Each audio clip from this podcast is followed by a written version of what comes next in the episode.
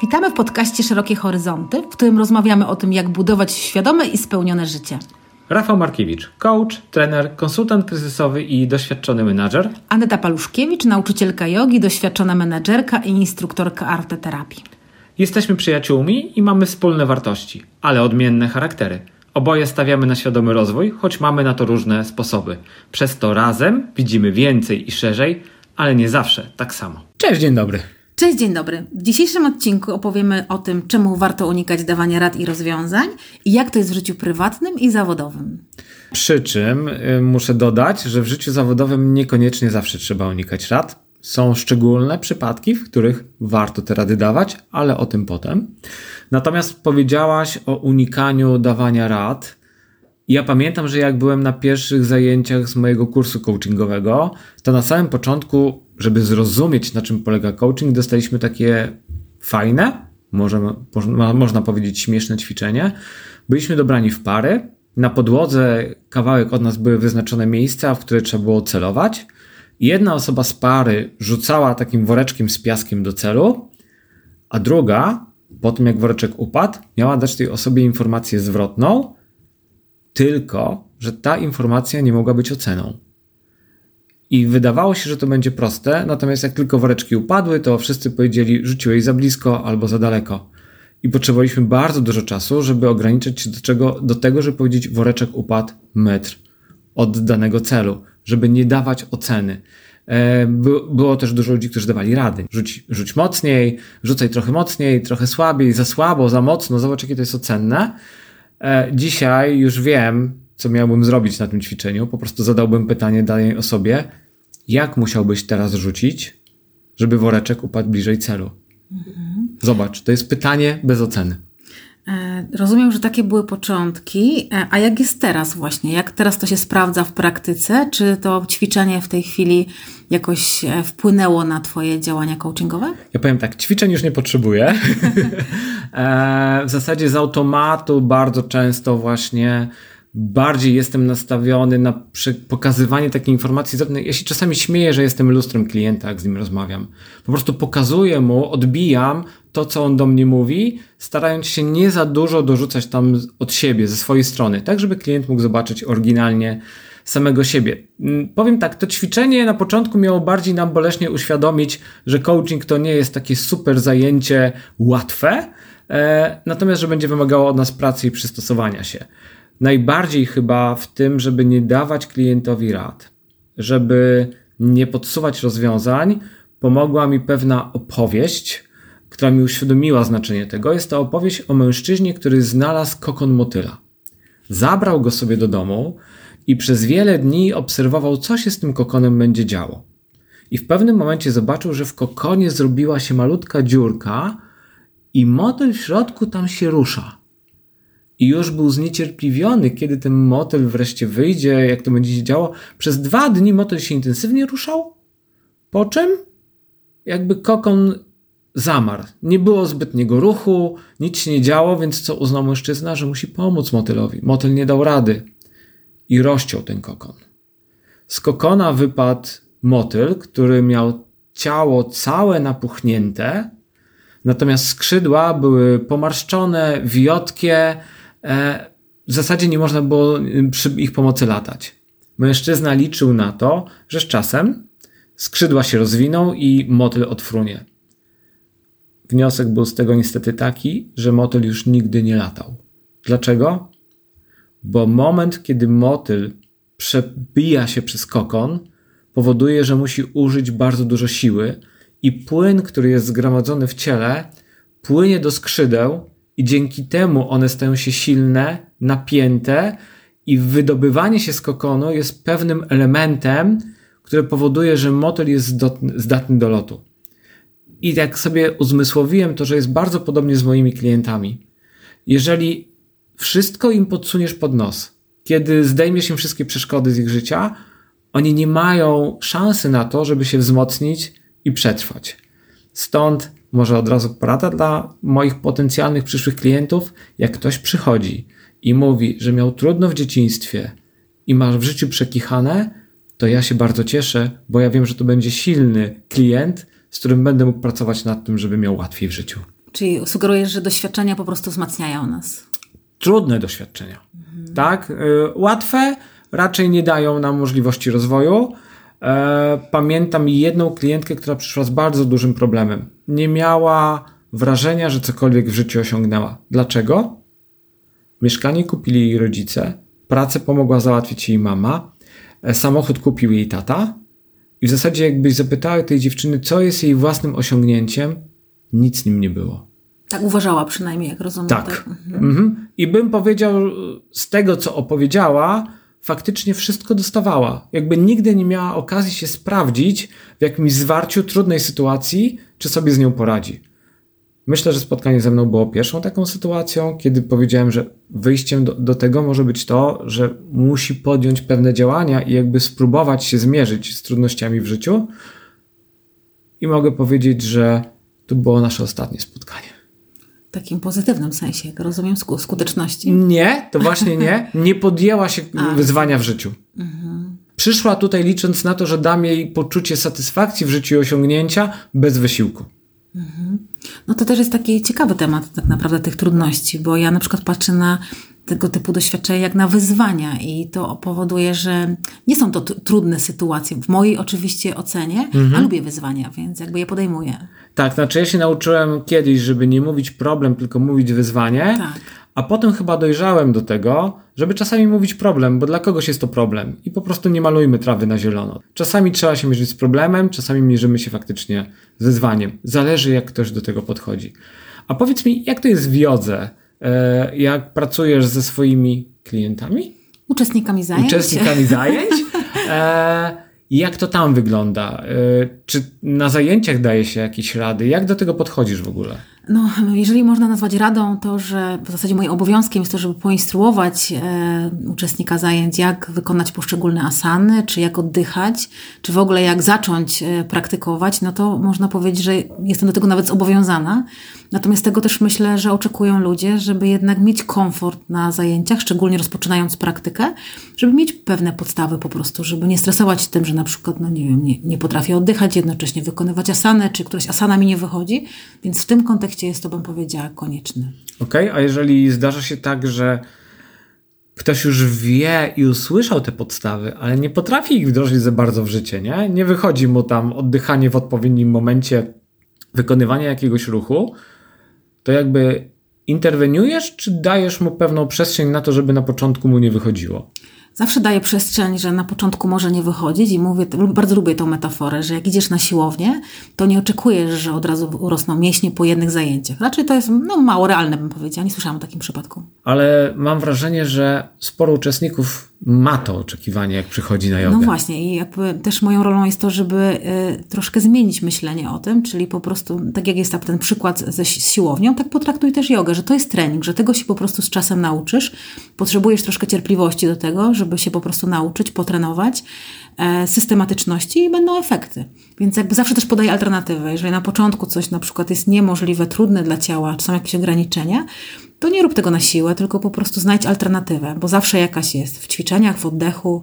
Można wolniej, więcej nie znaczy lepiej, także no, chociaż to są bardziej instrukcje niż rady, prawda? Tak bym to może bardziej ujęła. Trochę inaczej jest na warsztatach, które prowadzę, gdzie jest tak. jakaś tematyka konkretna. No, nie wiem, tak ostatnio na przykład miałam na temat drugiej czakry, powiedzmy, była praktyka przeplatana przeplatana teorią i często pojawiają się jakieś tematy, które są do, do omówienia po prostu. I tu to jest może też bardziej wiedza, dzielenie się doświadczeniem, jak tą wiedzę ja po prostu w praktyce stosuję, czy, czy jak to się sprawdza, niż też dawanie rad, bo tutaj uważam, że no nie jestem w czyichś butach i też bym no nie śmiała, żeby, żeby doradzać w tym kontekście, bo to jest dość ryzykowne. Ciekawe, bo mm, no coach raczej też nie za dużo mówi o swoim doświadczeniu, bo chodzi o to, że coach powinien bardziej pracować w polu klienta. Ja zawsze tłumaczę klientom, którzy do mnie przychodzą, e, że ja najpierw muszę ich poznać i muszę dobrze zrozumieć, co oni chcą osiągnąć, no bo takim dla mnie super przykładem jest hasło sukces.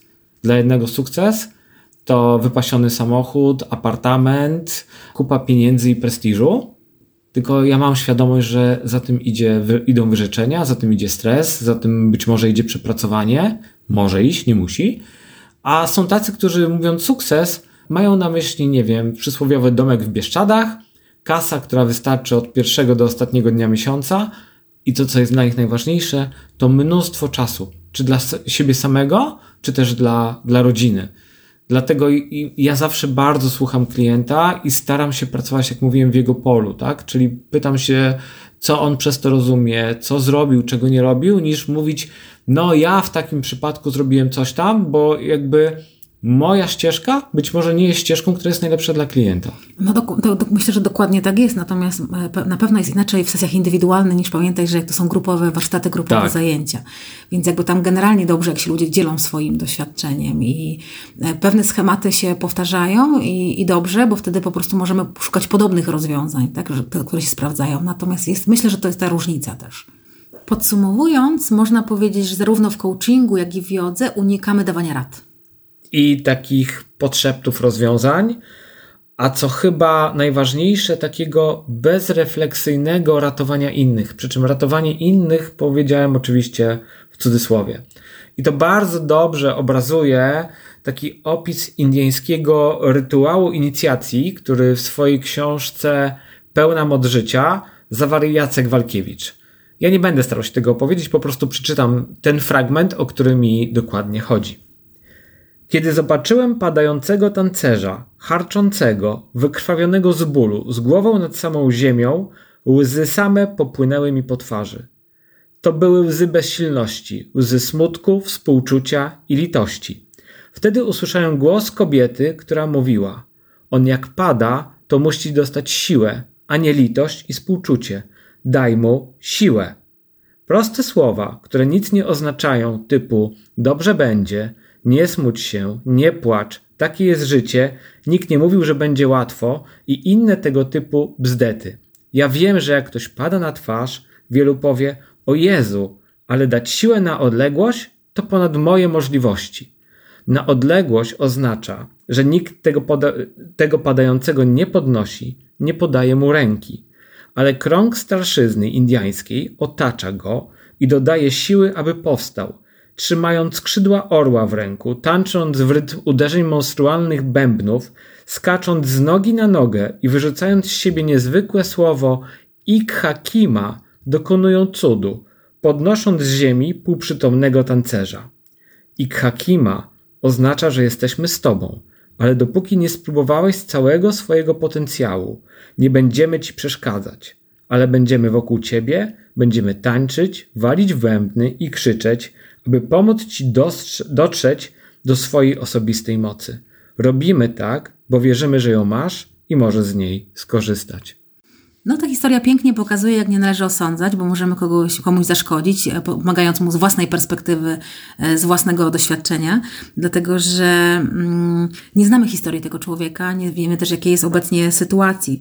I gdyby bohater tej historii podniósł tancerza, to myślę, że byłaby podobna sytuacja jak z motylem, że po prostu podciąłby mu skrzydła. To idealnie też nawiązuje do sensu tego ćwiczenia, które ja robiłem na początku kursu coachingowego, no bo zobacz, osoba, która stała z boku i miała dawać feedback rzucającej, nie miała wcześniej tego woreczka w ręku, więc nawet nie wiedziała, jaki jest on ciężki. Dwa, nie wiedziała nic o tej drugiej osobie, bo to był początek naszych zajęć, więc nie mogłem ocenić, czy ta osoba może rzucić mocniej ręką, czy na przykład nie potrzebuje założyć okularów, żeby dobrze widzieć celu, a już miał, miałem ochotę dawać rady i instrukcje. Ja uważam, że właśnie ten brak osądu, którego ja się uczyłem, którego ty się też nauczyłaś jako nauczycielka jogi, daje naszym klientom, a twoim uczestnikom zajęć, takie poczucie bezpieczeństwa, że oni mogą się czuć bezpiecznie w tym miejscu, bo nikt ich nie osądzi. Tak, nie tylko przez instrukcje, które dostają a propos bezpieczeństwa ćwiczeń, ale również to, że faktycznie ja nie osądzam, że coś nie wychodzi. Po prostu to jest normalne. Ja mam podobnie na, na coachingu. Czasami klient mówi, to może głupio zabrzmi, e, nie wiem, nie do końca potrafię to wyjaśnić. Ja mówię, ok, powiedz to najprościej jak możesz. Ja naprawdę już słyszałem takie rzeczy, że mnie mało co zaskoczy. I zresztą ja na samym początku pracy coachingowej nawiązuję z klientem taki kontrakt, gdzie umawiamy się, że to, co pada na tych zajęciach, zostaje tylko między nami, po to, żeby klient mógł się czuć w pełni bezpiecznie. No jeżeli ja prowadzę warsztaty i jest więcej rozmów faktycznie o jakichś osobistych tematach, mimo tego, że w grupie, ale jednak osobistych, to też taki kontrakt zawsze zawieram, że to zostaje między nami. Natomiast jeżeli chodzi o same zajęcia, no to taki kontrakt nie jest potrzebny, natomiast, no bo, bo nie ma tam historii, prawda? Natomiast ja faktycznie nie osądzam, jeżeli komuś nie wychodzi, bo raz, że sama tą drogę przeszłam, dwa, że ćwiczę nieosądzanie i efekty tego po prostu są, bo jakiś czas temu um, odkryłam różnicę pomiędzy osądem a oceną, bo umysł ocenia i tutaj nie ma co z tym walczyć. Tak jak serce bije, umysł myśli, tak też ocenia, że coś jest białe, coś jest czarne, pada śnieg, jest słońce. Natomiast osąd, no to już jest zupełnie inny temat po prostu, kiedy, osądzamy, że ktoś jest jakiś tam, a tak naprawdę tak jak w tych historiach, nie wiemy, co taka historia za nim, za nim stoi, prawda, jakiej jest teraz sytuacji jest obecnej i to można trenować. To jest taka dobra informacja, kochani, że można wytrenować e, brak, może nie wiem, czy brak osądu, bo jednak czasami takie ograniczanie, ograniczanie osądu. osądu. Zobaczymy, czy do zera, nie wiem. Na razie na takim etapie jeszcze nie jestem tak. No, do prywatnego dokładnie. życia przejdziemy, bo to myślę, że jest też ciekawe wyzwanie. Natomiast e, bardzo, bardzo w dużej mierze. Ja myślę, że tak naprawdę można wyćwiczyć pewne wycofanie siebie, swoich filtrów, swojego punktu widzenia na pewne rzeczy, po to, żeby można było dostrzec to, z czym przychodzi tak naprawdę klient. Tak. Albo uczestnik zajęć. Tak, tak. Ja jeszcze, Aneta, chciałem nawiązać do jednej rzeczy, bo myślę, że o tym nie wspomniałaś, a uważam, że akurat w przypadku jogi kundalini jest jeszcze ważny jeden aspekt taki, takiego bezpieczeństwa, czy też braku osądzania. Mam wrażenie, że to już się domyślasz, o co mi chodzi, kiedy mówię, że jest to typowe dla twojej jogi. Tak, ja to, e, jest kilka takich elementów, ale ten też ja bardzo, bardzo lubię w jodze kundalini, że ja, jak pokażę asanę, wyjaśnię, to super jest zamknąć oczy. I uczestnicy zajęć, generalnie jeżeli ma oczywiście jakiegoś tematu z błędnikiem, tak a propos bezpieczeństwa, mhm. e, to mają zamknięte oczy. I to raz, że jesteśmy bardziej w sobie niż na zewnątrz, wtedy możesz też sprawdzić, jak umysł pracuje jest mniej bodźców, ale co ważne, trochę chociaż mniej się porównujemy, bo to porównanie też jest bardzo zgubne, jeżeli chodzi na przykład o kontuzję, że robię więcej niż mogę.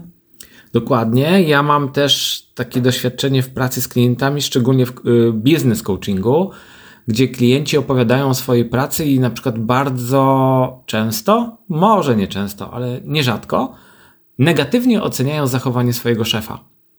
I robią to patrząc tylko i wyłącznie ze swojej perspektywy. A ja często staram się im pokazać, że szef ma też swojego szefa i być może jego zachowanie nie było jego y, osobistą inicjatywą, a wynikało z czegoś, co było szersze, gdzie wyżej zapadły decyzje i niejednokrotnie moi uczestnicy spotkań są bardzo ciekawe, o moich klientach zacząłem mówić uczestnicy, są bardzo zaskoczeni tym, że perspektywa danej sytuacji może być zupełnie inna. I chyba w dzisiejszym odcinku mamy już jakiś taki rytuał odwoływania się do opowieści, i ja wtedy opowiadam moim klientom o pewnej piosence, która po polsku tłumacząc ją ma tytuł Cowboy Zuzia. Nie jest to najlepsze tłumaczenie. E, tą piosenkę śpiewa Johnny Cash i tak naprawdę po angielsku jest e, nazwa to A Boy Named Sue. I ona opowiada o kowboju, który w wieku trzech lat razem ze swoją matką został porzucony przez ojca. Ojca alkoholika, ojca, który nie chciał się tym dzieckiem zajmować, przy czym to, że on ich porzucił, nie było najgorszą rzeczą, którą ojciec wyrządził synowi. Odchodząc, nadał mu imię Zuzia. Możesz sobie wyobrazić, jak wszyscy drwili z tego kowboja, wszyscy się wyśmiewali, jakie miał problemy w relacjach z kobietami, jak musiał y, mocno walczyć w życiu o to, żeby przetrwać z tak idiotycznym, powiedzmy, imieniem. Szczególnie pewnie w takim męskim świecie. Dokładnie. Co sobie obiecał nasz bohater piosenki? Że w momencie, kiedy spotka ojca, to po prostu go zatłucze. W ramach zemsty za to, co mu zrobił. I jest taka sytuacja, gdzie w jednym z podrzędnych barów się spotykają. I kiedy nasz bohater idzie z pięściami do ojca i w zasadzie zaczyna go już tam tłuc, w pewnym momencie ojciec wyjawia mu, dlaczego nadał mu to imię. Powiedział, że wiedział, że nie będzie potrafił rodzinie zapewnić bezpieczeństwa i miał świadomość, że ich porzuci. Ale nadając mu żeńskie imię, spowoduje, że ten mały chłopiec od małego będzie musiał się uczyć walczyć o swoje w życiu, przez to wyrośnie na silnego i pewnego siebie kowboja. Czyli widział tylko fragment historii. Dokładnie i tak bardzo często jest z nami, dlatego tak ważne jest, żebyśmy starali się patrzeć szerzej, a szczególnie dla nas, dla ciebie jako nauczycielki jogi i dla mnie jako coacha, jest to, żebyśmy dali szansę naszym klientom pokazać, kim są, z czym przyszli i czego tak naprawdę szukają, kontaktując się z nami. No to myślę, że sobie płynnie przejdziemy do tematów e, prywatnych, jak to jest w życiu prywatnym, bo ja uważam, że jest troszeczkę więcej wyzwań w tym nieosądzaniu, nie, nie, nie dawaniu rad. Natomiast jeszcze tylko dodam, że chętnie tą piosenkę sobie odsłucham, bo mnie zaciekawiłeś. Nie? Polecam. W życiu prywatnym, znaczy musimy rozróżnić nasze role, które robimy, ja jako coach, ty jako nauczycielka jogi, od tego, co jest w życiu prywatnym. Ja tego musiałem się bardzo mocno nauczyć, bo każdy początkujący coach, tak zwany helper, jakikolwiek, tak, psychoterapeuta, nawet lekarz, bardzo często na samym początku chce leczyć wszystkich, pomagać wszystkim, uświadamiać wszystkim. Nawet jak nie pytają.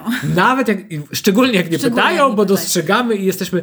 I wydaje mi się, że e, wraz z doświadczeniem przychodzi to, że ja naprawdę znajomym, bliskim nie radzę i nie podpowiadam, co mają robić, dopóki mnie o to nie poproszą.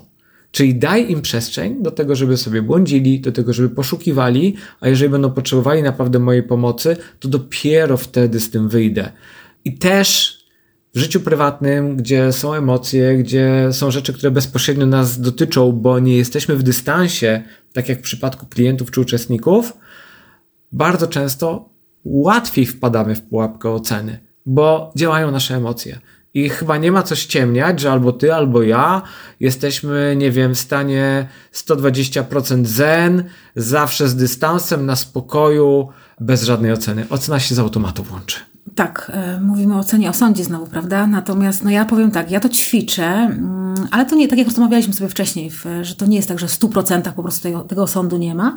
Natomiast no, kilka takich e, fajnych zainspirowało mnie refleksji, na przykład taka kartka z kalendarza, którą znajoma e, przesłała, że obyś żyła czy żył tak, jak radzisz innym. I jak chcę radzić, bo oczywiście takie pokusy są, są szczególnie jeżeli to są bliskie osoby i tak bardzo chciałabym, żeby na przykład miały się lepiej, że po prostu poddam się tej pokusie radzenia, to przypominam sobie to i to jest to stop. Tak jak w medytacji po prostu. Jak medytujesz, to, to są myśli, są filmy, ale w pewnym momencie możesz powiedzieć stop i umysł uspokoić. Tak samo jest moim zdaniem tutaj z tym tematem radzenia i osądem. Ale przyznam, że w prywatnym życiu jest to dla mnie, szczególnie jak to są osoby bliskie, to jest to dla mnie większe wyzwanie. Natomiast cały czas się tego uczę, uczę się tego, żeby mówić to stop, jak już mam ochotę doradzić i żeby przede wszystkim słuchać. To było takie dla mnie E, dla mnie myślę, że największe wyzwanie, bo jako tutaj bliźnia, bliźniak, że tak powiem, zodiakalny, e, to mam dużą potrzebę komunikacji, mhm. co często powoduje, że się nie słucha, że się nie chce słuchać, tylko chce się od razu odpowiedzieć. I to też jest dla mnie taki, taką, myślę, że cały czas lekcją,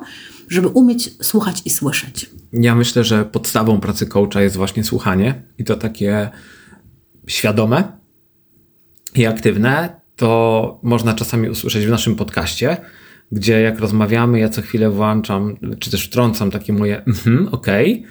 Jak pracowałem na infolinii, to był błąd.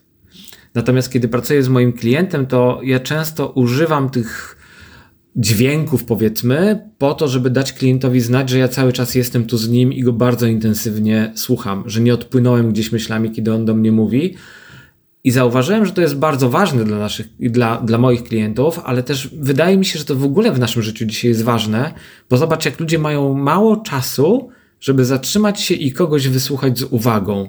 I bez osądu. Dodam jeszcze może jedną zasadę, mm, którą znam e, od mojej mentorki ze Szkoły Wiedzy Szamańskiej, żeby nie mówić ludziom, jak mają żyć, tylko pokazać swoim życiem. I to jest top. Zobacz, dostałaś radę. Mhm. I to jest ta jedyna sytuacja, gdzie na początku mówiłem, że w życiu zawodowym, ale może i też prywatnym, można dawać rady. Można je dawać wtedy, kiedy jesteśmy w relacji mentor-uczeń, czy też nauczyciel-uczeń. Kiedy jesteśmy nastawieni na branie wiedzy od kogoś, często też na pozyskiwanie różnego rodzaju narzędzi. I to jest ta jedyna sytuacja, w której rad należy udzielać jak najbardziej. No może jeszcze jak w przyjaźni na przykład pytamy, bo czasami ja Cię pytam o rady i myślę, że wymiennie bazując na swoich doświadczeniach, jednak stosujemy rady.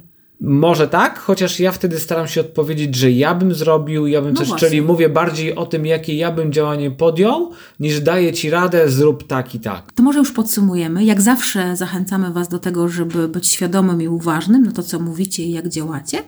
Mamy też dla Was i mamy nadzieję, że inspirujące ćwiczenie na koniec, żeby w którymś dniu zastanowić się, zatrzymać się wtedy, kiedy macie ochotę udzielić rady, czy też osądzić e, i powstrzymać się od takiej oceny czy osądu. Dokładnie, a może zadać sobie po prostu pytanie, dlaczego ta osoba zachowała się w taki, a nie inny sposób. Zamiast oceny, ciekawość. I zobaczycie wtedy inną perspektywę. I tym zadaniem żegnamy się z Wami dzisiaj. Do usłyszenia. Do usłyszenia, dziękujemy bardzo.